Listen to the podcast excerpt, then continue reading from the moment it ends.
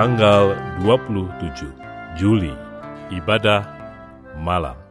Pujilah Tuhan hai segala bangsa. Megahkanlah dia hai segala suku bangsa. Sebab kasihnya hebat atas kita dan kesetiaan Tuhan untuk selama-lamanya. Haleluya. Mazmur pasal 117 ayat 1 dan 2.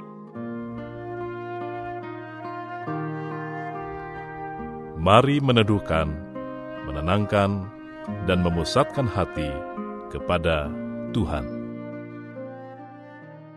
Saat hening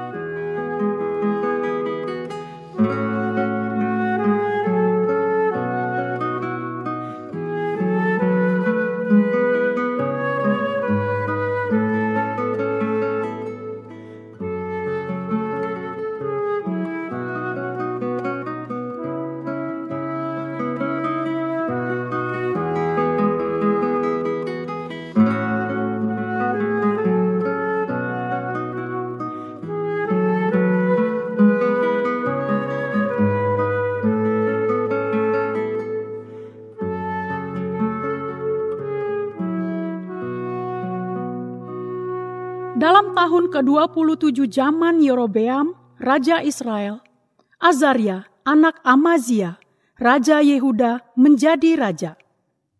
Ia melakukan apa yang benar di mata Tuhan, tepat seperti yang dilakukan Amazia ayahnya. Namun demikian, bukit-bukit pengorbanan tidaklah dijauhkan. Bangsa itu masih mempersembahkan dan membakar korban di bukit-bukit itu maka Tuhan menimpakan tulah kepada raja, sehingga ia sakit kusta sampai hari kematiannya, dan tinggal dalam sebuah rumah pengasingan. Dan Yotam, anak raja, mengepalai istana dan menjalankan pemerintahan atas rakyat negeri itu. Dua Raja-Raja pasal 15 ayat 1 dan 3 sampai 5.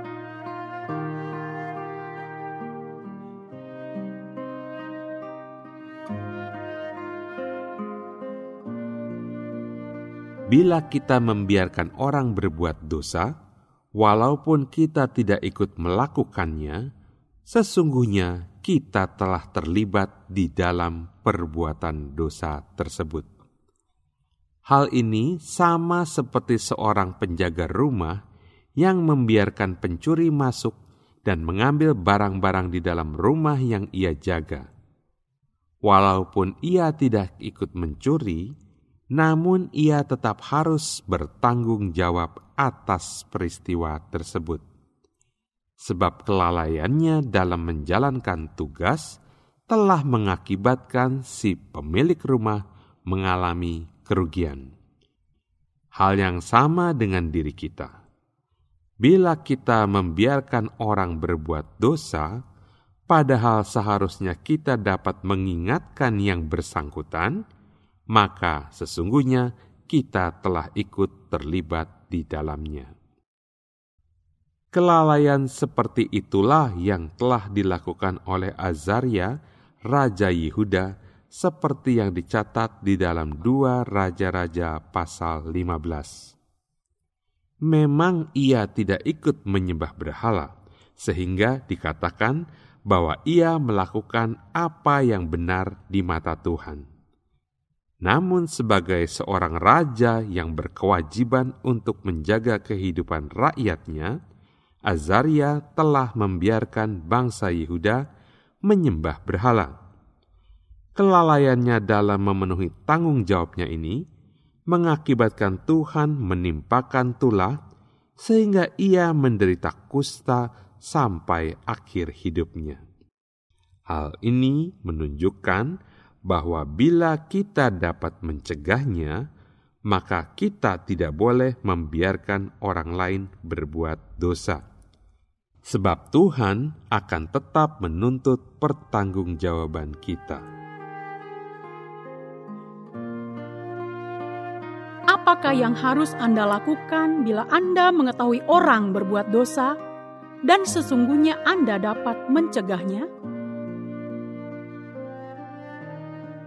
Mengapa demikian?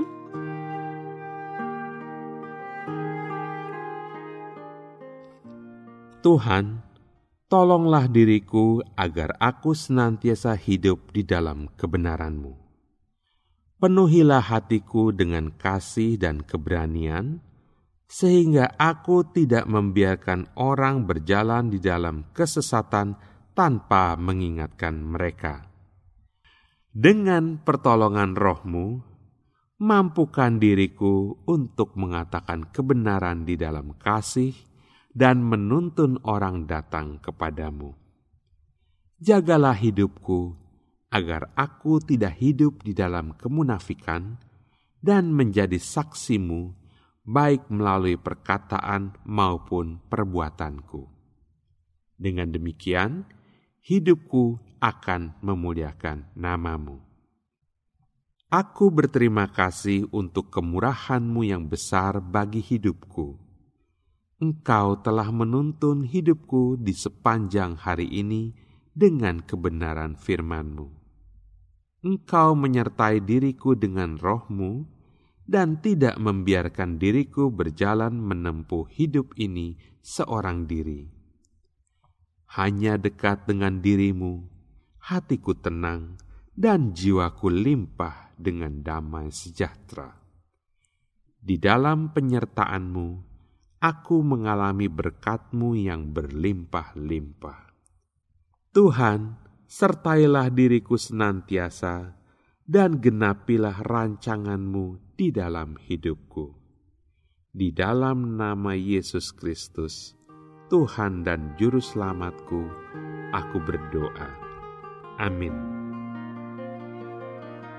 Berdoalah untuk orang-orang yang sedang memerlukan dukungan doa Anda.